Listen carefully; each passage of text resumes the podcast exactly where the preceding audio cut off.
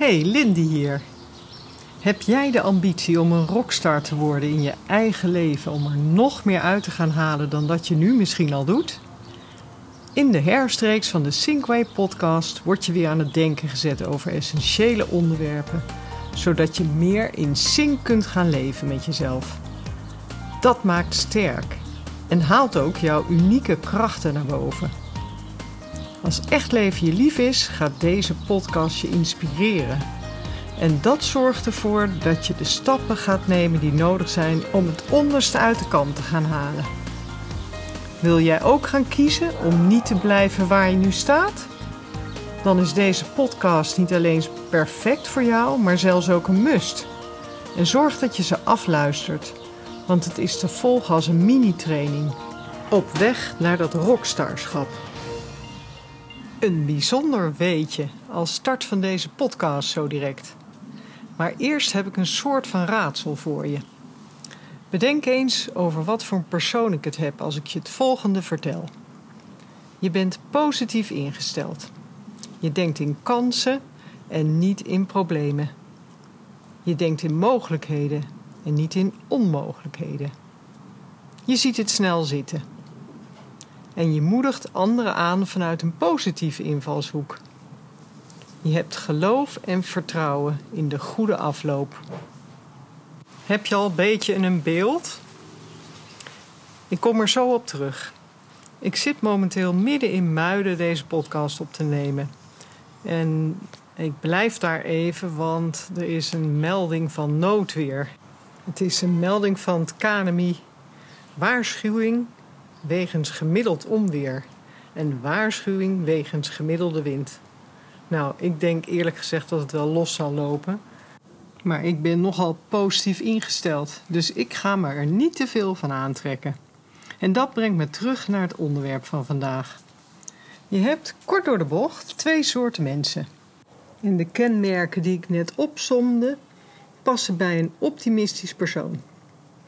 Wist jij dat optimisme niet alleen gezond is, maar ook nog dient als basis voor een betere wereld?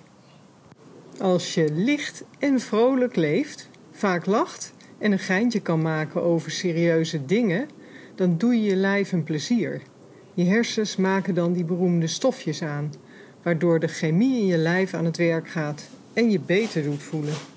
De wetenschap heeft aangetoond dat optimisme gezond is. Hoe simpel kan het dan eigenlijk zijn? Het enige wat je nodig hebt is tegenwoordigheid van geest om dat regelmatig in te zetten. En het is ook nog bekend dat optimisme heel aanstekelijk werkt. Optimisme is dus oprecht een medicijn dat je jezelf gratis en voor niks kan toedienen. Meet jezelf die maat van optimisme aan. Optimisten blijken ook nog eens zeven jaar langer te leven dan pessimisten. Nou, hou die maar in gedachten.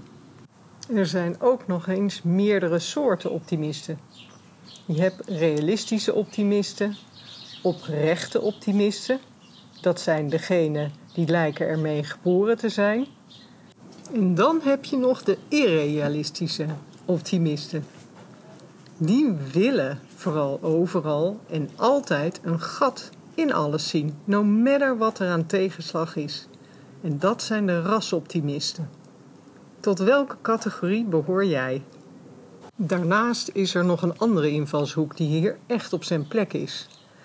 Want er zijn heel veel meer redenen om optimistisch te zijn dan pessimistisch. Als je terugkijkt in de geschiedenis, zijn er zoveel meer dingen overwonnen die vroeger onoverkomelijk leken, zoals ziekte en oorlogen.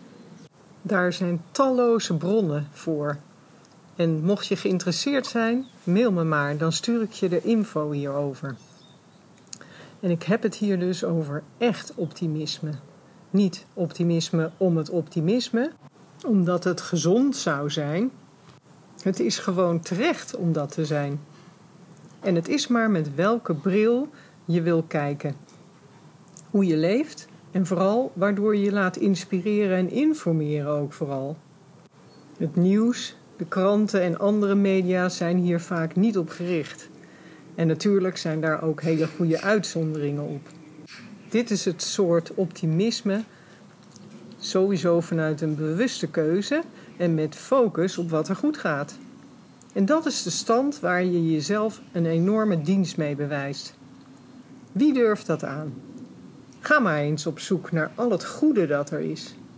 Mocht je nu meer neigen naar pessimisme, heb ik nu heel goed nieuws voor je.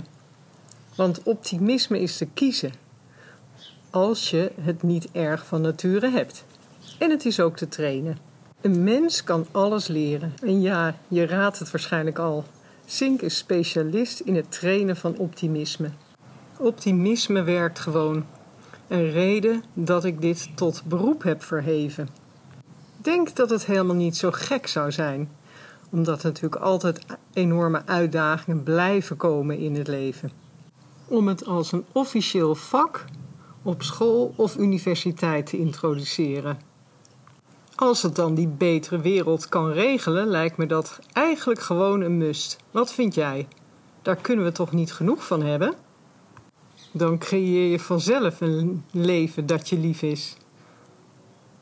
Volg de essential training maar hiervoor, dan weet je zeker dat je goed zit. Nog een gouden tip tot besluit. Voel je het niet zelf, zoek dan een persoon in je omgeving die optimistisch is. Want dan is het een groot voordeel dat we van de apen afstammen. Je hoeft alleen maar het voorbeeld te volgen. Copycat is hier wijsheid. Want je krijgt er zelf allereerst een gezelliger ander leven door.